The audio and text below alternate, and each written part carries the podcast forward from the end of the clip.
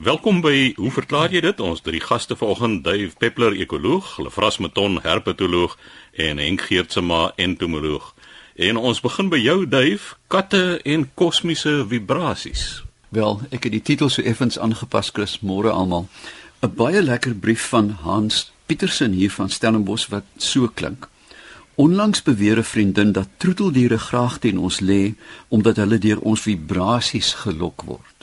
Daar is veel sulke aantuigings van kosmiese vibrasies en energie wat lewend en selfs dooie dinge sou deurspek.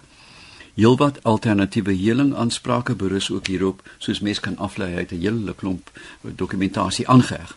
My vermoede is dat hierdie aansprake in volksmond hoofsaaklik gegrond is op 'n onkritiese aanvaarding van antieke en eksotiese oortuigings van chi en ander elands vital, ou latynse terme vir hierdie mistieke kragte wat afsonderlik van ons materialistiese liggame sou bestaan en maklik met meer bekende plaaslike kulturele skepings soos siel verwar word. Hoe pas hierdie energie en vibrasies binne die wetenskaplike verklaring en ons kennis van die energie in die algemeen? Waar op die elektromagnetiese spektrum sou dit lê? En dan vra hy nog 'n baie interessante vraag: Mag 'n mens lag vir mense wat dit ernstig opneem? Nou, vibrasie is uiteraard 'n meganiese fenomeen, is niks anders nie van waar oscillasies aan 'n ekwilibriumpunt voorkom.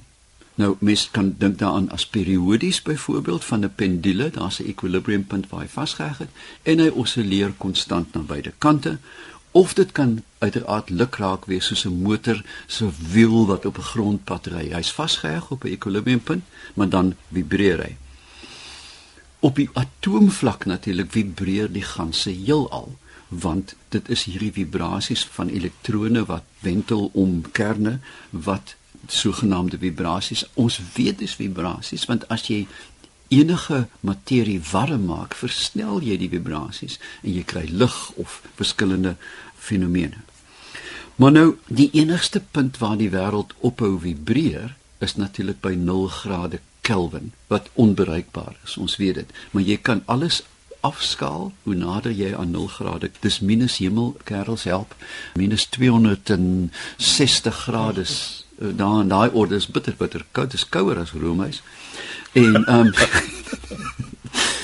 dan gaan staan alles. Dan dan kan atome nie meer beweeg nie.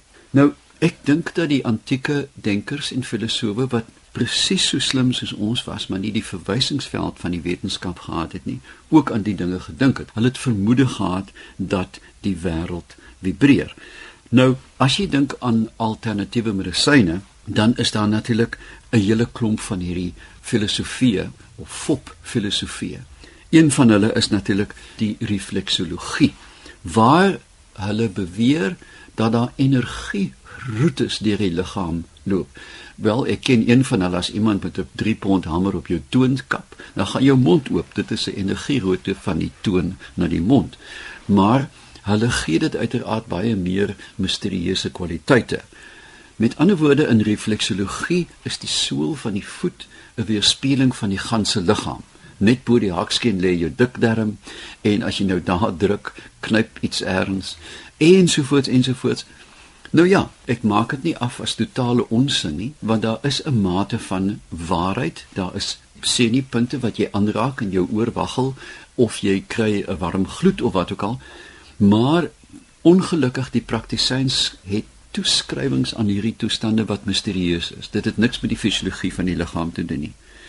Dan is dan eintlik een van my gunstlinge, Prins Charles se groot ore sal nou spits en dit gaan uiteraard oor sy medisynes wat hulle natuurlik homeopatie noem. Nou dit is die grootste lotnosis op aarde want 'n mens weet dat hulle sê dat indien jy gif met gif behandel. Nou slang pik jou, nou vat jy slanggif en dan verdun jy dit in 38000 swembaddens water en dan sal die vibrasies binne die water nou onthou van die gif en dan drink jy dit en dan teiken dit nou die probleme in jou liggaam op. Jy kan net so wil goedkoop wyn drink, bergwater, kraanwater. Ek dink daar is meer geheue en vibrasies in jou kraanwater as homeopatiese medisyne ooit kan optower.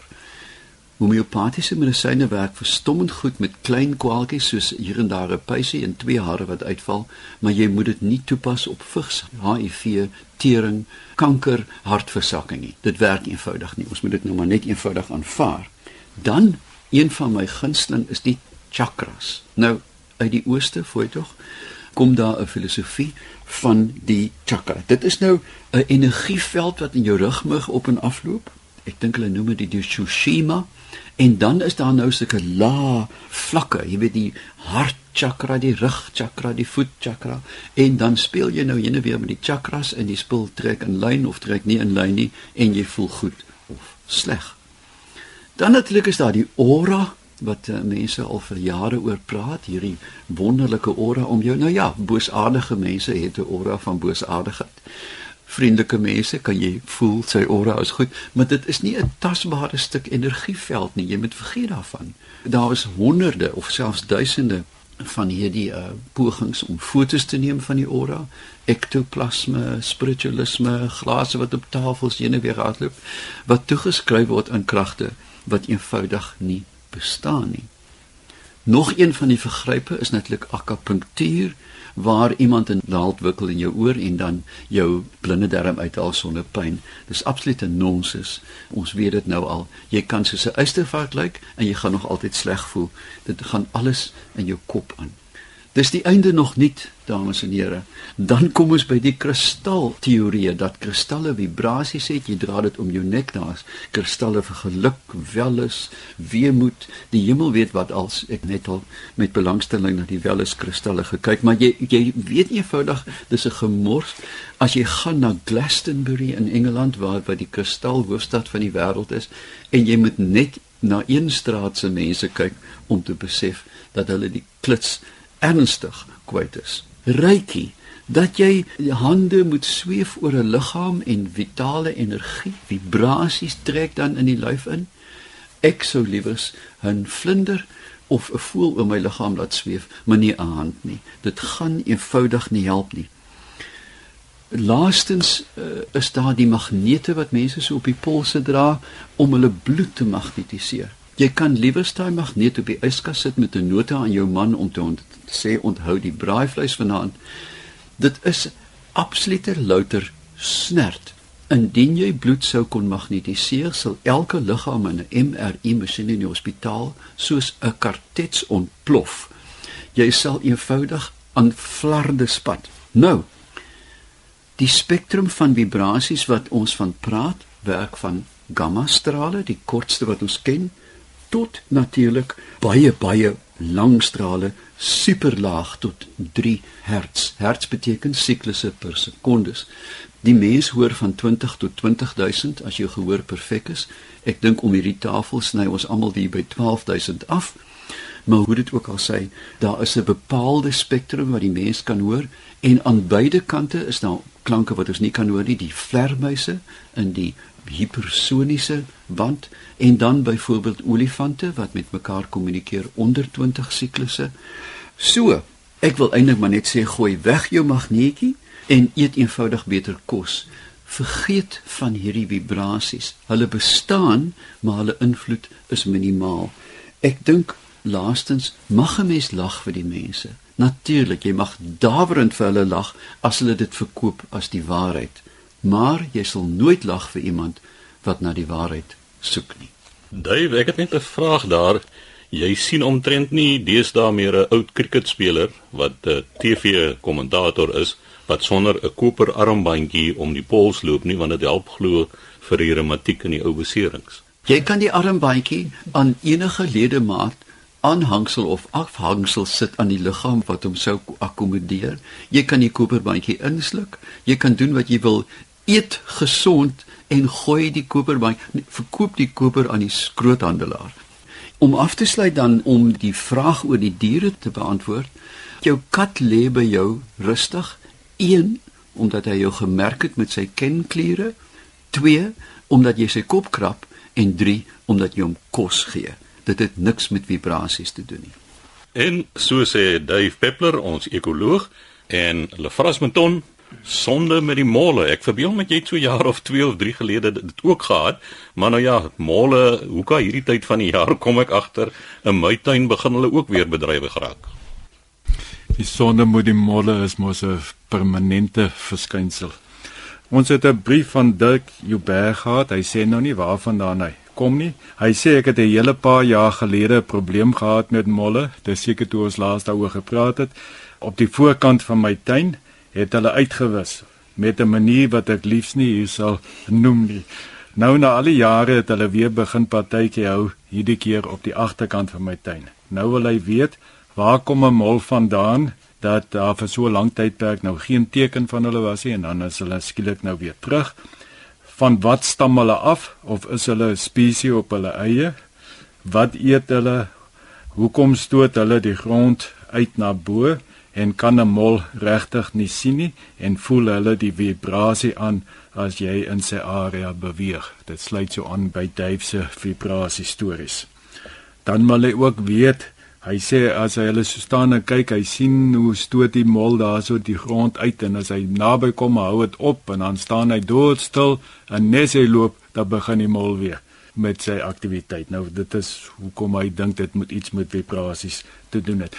Ons het so 'n tydjie gelede gesels oor geitjies, probleme met geitjies en toe was die raad aanvaar hulle is eintlik wonderlike diertjies en dit was interessant daar het 'n paar briewe gekom van mense. Onder andere was daar een van Glen en Mickey en Sari van Jeffreys Bay wat sê hulle geniet die geitjies baie. Hulle sit spesiaal die stoeplig aan sodat die geitjies daarna toe gelok kan word en kan kom eet. Nou wonder ek of daar luisteraars is wat dieselfde oor molle te sê gaan hê.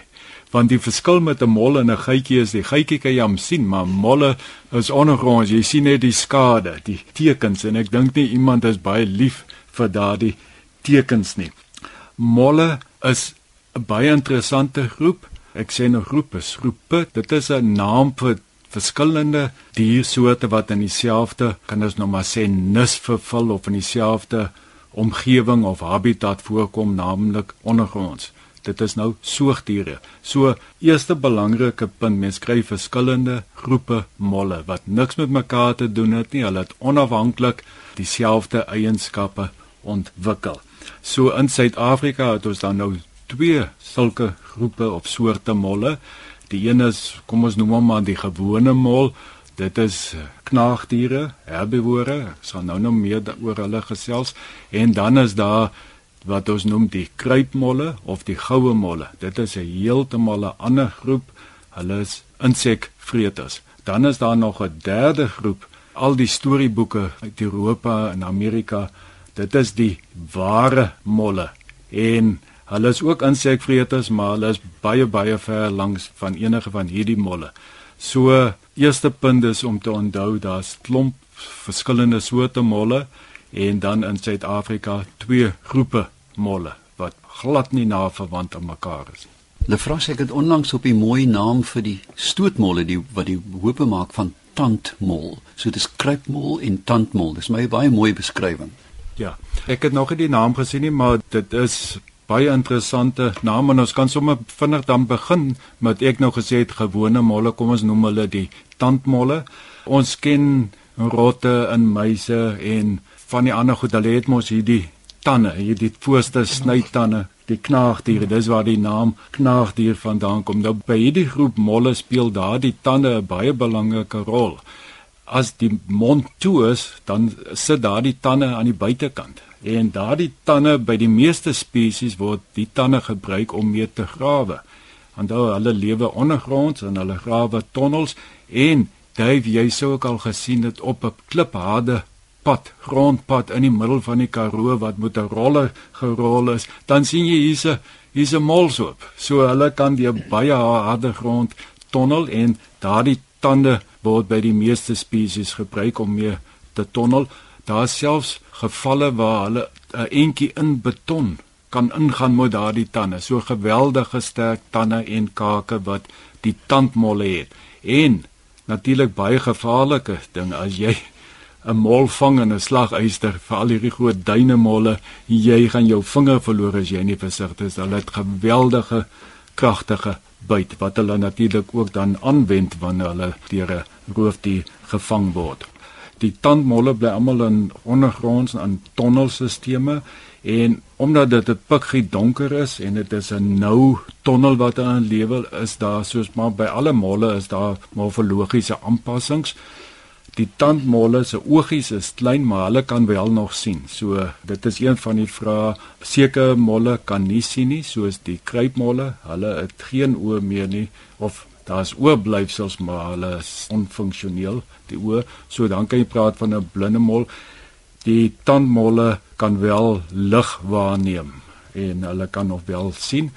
Hulle ore, tipies van alle molle, die oorskulpe is weg want dit is maar net in die pad. Dit beteken nie hulle kan nie goed hoor nie, hulle kan baie goed hoor en hulle kan dan ook veral vibrasies baie goed optel.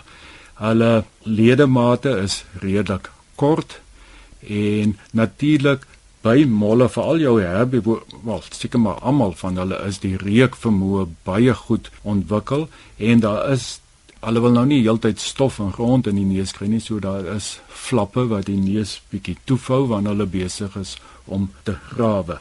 Die voedsel wat hulle eet is dan nou plantaardig van aard en dit is in die groentetuine en die wel hulle kan selfs plantjies ondergrond aftrek in hulle tonnels in, so hulle kan baie groot skade aanrig.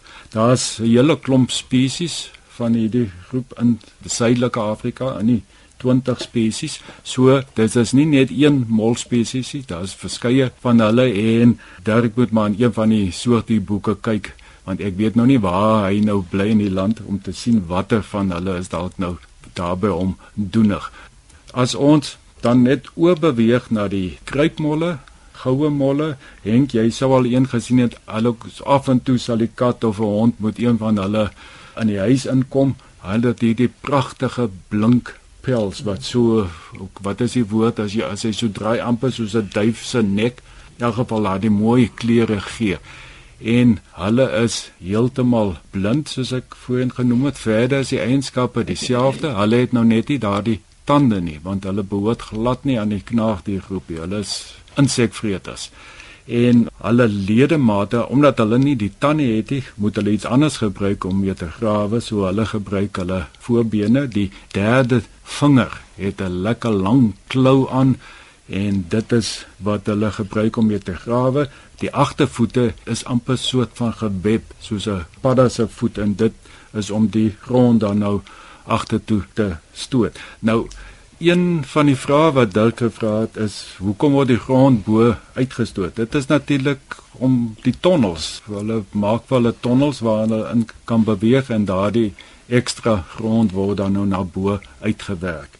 Die kruipmolle, mens sien dit baie op Grasberg. Hoekom hulle dan nou hierdie tonnel baie kere net so onder die oppervlak van die grond maak en dan as jy met 'n grasnye daaroor gaan dan sit hierdie swart grondstreep Ja, en as jy nog sandgrond soos ek het, Lefras en lyk dit soos 'n sandstorm.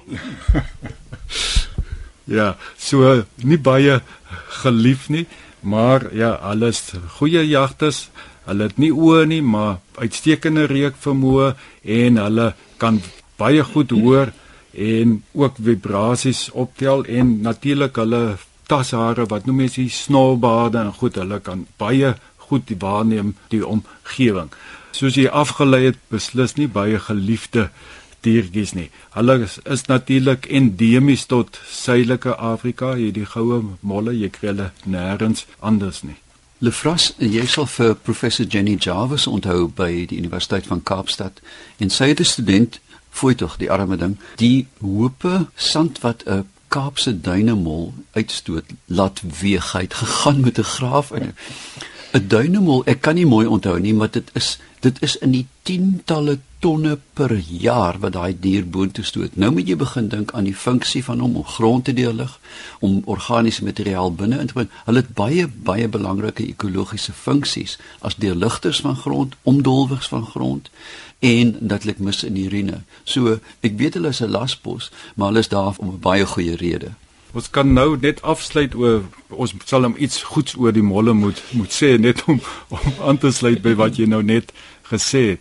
Van hierdie molle, hulle beweeg nou maar in die tonnels rond op soek na insekte. Ek dink amper hulle sal aardwurms ook eet so dan rig hulle 'n bietjie skade aan want die aardwurms is natuurlik ook belangrike grondbewoners in terme van ons tuine se gesondheid. Ek het dink ek het iewers gelees dat so 'n klein kruipmol is 'n hele paar kilometer per aand wat hy kan aflê op soek na kos. Dit is iets dramaties. Jy het net ook gepraat van die duinemol. Ek het vergeet om te sê twee baie bekende molle is natuurlik die naakte mol en die damera mol. Hulle is twee molle wat in families, ja, hulle sosiaal, hulle bly by mekaar en net sekere individue, wel net een mannetjie en een wyfie is reproduktief aktief. Die ander is almal steriel en dit is eintlik 'n baie interessante verskynsel. Weet jy, Lefras, ek is altyd gefassineer oor die diere. Ek dink Henk sal saamstem dat hulle sosiale stelsel is byna soortgelyk aan insekte meer as aan knaagdiere of aan aan werweldiere. Wat is baie vreemde diere. Ja, wel dit is mos eeu sosialiteit, soos wat jy nou maar by mure en bye en termiete en die goed kry. Ja, dit is baie interessant. Ons het al lank gelede oor gepraat dat die mens ook 'n voorbeeld is van eeu sosialiteit, maar ons sal dit nou nie weer daarop ingaan nie. Dan net die laaste mol soort is nou die ware molle. Hulle kom in Noord-Amerika voor en in Europa en so aan en hulle lyk baie soos die kruipmolle. Hulle is ook insekvreters, maar ons gaan nou nie verder oor hulle iets sê nie. Oor die skade, Dave het nou klaar gesê, molle doen werklik ook baie goeie dinge deur die aarde ondergronds om te ploeg. Jy hoef nie elke keer om te spit nie. Hulle doen dit, maar ongelukkig bly daar ook baie van die plante in slag en die grasperke lyk nie so mooi nie. Daar's honderde metodes om van molle ontslae te raak wat ek liefs nie op wil ingaan nie van gasse, giftige gasse en slagysters en ja, allerlei dinge. Ek sluit liewerste maar af. Ek wil net kyk of ons al die vrae beantwoord het. Kan 'n mol regtig nie sien nie? Ja, ons het gesê sekere kan sien, ander kan nie sien nie.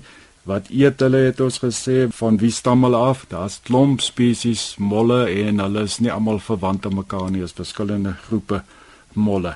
En net die eerste vraag, waar kom 'n mol vandaan as hy nou vir lang tyd nie daar was nie? Molle beweeg, soos ek gesê die kruipmolle lê groot afstande af. Jy kan dit nou wel op jou tuin uitgewis het, maar die buurman is dalk meer liewe vir die molle of hy gee glad nie om nie. Hy het nie 'n grasperk nie en dit vat nie lank voor die mol maar onder deur die vibrate muur kom en dan is hy maar weer terug nie. Natuurlik die insekvredende mol is beskerm. Mens mag hulle nie doodmaak eintlik nie. Daar is so aan die 20 spesies waarvan ek dink 11 is beskerm. beskerm ja. Die kruipmol is gewoonlik 'n probleem as jy goed kompos in jou tuin ingewerk het met baie insekte daarin soos miswurms en so aan en natuurlik ook aardwurms. En baie mense kontak my en vra wat kan hulle doen om die kruipmol uit hulle blombeddings uit te hou. Die heel maklikste is eintlik kuikengas.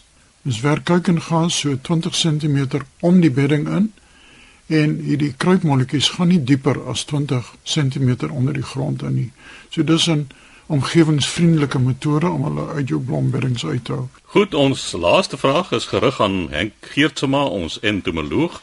En Henk, jy gaan nou vandag praat oor kweperboomboorders. Ek het hierso 'n um, e-posie gekry deur Chris. Dit is van Dirk Boshoff hier van Klein Willem. En hy stuur dan 'n foto en hy sê dan hy het die makrofoto geneem. Dit is 'n baie mooi foto eintlik van die larwe. Maar hy kry dit nie geïdentifiseer nie. Nou het 'n klompie boeke geraadpleeg en sluit nou Google. En dit lyk vir my op die einde raad het hy maar na hierdie span toe gekom en ek kan vir hom die antwoord gee. Die larwe wat hy gefotografeer het, is Coryphedema tristis, die kweperboomboorder. Nou die kweperboomboorder is natuurlik nie beperk tot kwepers nie. Dit val meeste rosasie roosplante aan, maar is onder andere baie groot wingerdplaag baie jare. Veral waar die wingerdlote om die draad draai en die loot wurg homself naderhand dan kry mens hierdie larwe, dis 'n mot, behoort tot die sogenaamde bokmotte. Nou die bokmotte gee almal so 'n nare reuk af, amper soos botter wat so bietjie af is. Dis 'n primitiewe groep motte. Die motte self is baie vaal, omtrent die vlerkspan van die motte is omtrent so 4 cm.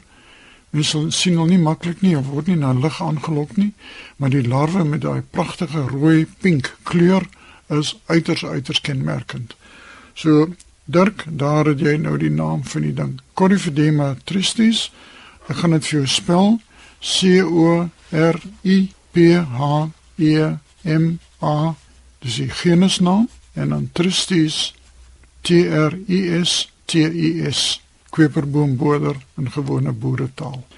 Dan die tweede navraag wat ek gekry het is van Hercules Morkel hier van Calitzdorp. En Hercules skryf 'n hotnotsgod, nou natuurlik ek verkies die woord bid sprinkaan. Het nou in 'n kombuis kom vestig en daar het sy afgelope 3 weke 'n stuk of 6 kokonne gebaar. Nou kokon is natuurlik 'n omhulsel van 'n papie. In hierdie geval is dit eierpakkies. Die kokon is groter as die agterlyf. Dit lyk soos wolbale.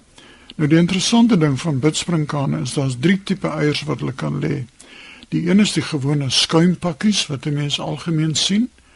Die tweede lot is 'n ballonnetjie en in die ballonnetjie binne in die ballon self word 'n paar eiers gelê.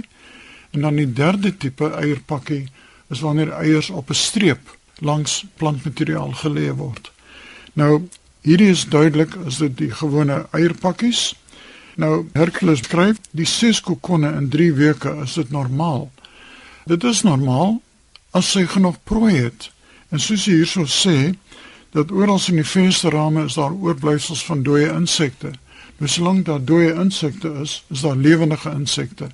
En solank daar 'n bidspringkaan is, sal die lewendige insekte nie lank lewe nie. En as die insekte opgevreet word, is daar genoeg proteïene vir haar om nog eiers te produseer. En soos jy hierso sê, die kokonne word oral vasgeheg en daar sit hulle wat se inkubasie tydperk gewoonlik so 2 tot 3 weke, dit hang af van die temperatuur. En soos jy hierso sê, Wikipedia sê daar kan tot 200 hottentottertjies uit 'n kokon verskyn. Dit kan by sekere soorte wel waar wees, Die meeste bidspringkane se eierpakkies in Suid-Afrika het maar so 50 tot 80 eiers. En soos jy hierso sê, van die kokonne begin verdwyn. Vreet die wyfie die gebruikte kokonne. Ek is nie seker daarvan nie want dit is nie prooi nie. Bidspringkane sal net lewendige prooi aanval. 'n Eierpakkie is 'n stabiele ding en ek dink nie sy sal dit eet nie, maar nou sê Hercules, want sy vreet alles. Vlieg, muskiet en mot en dan Vra Hercules, is dit waar of maar net 'n ou vrou storie dat sy die mannetjie na hy haar bedien het opvreet? Bedien het is my net so 'n mooi woord. Dit is wel waar, tydens die paringsproses word gewoonlik die kop van die mannetjie afgebyt en na die paring word die mannetjie opgevreet, maar partykeer spring die mannetjie die straf vry en hy vlug so vinnig as wat hy kan. Nou Hercules sê, sal dan nie verbaas wees as baie van die mannetjies of celibaat of gay is nie. Ek twyfel.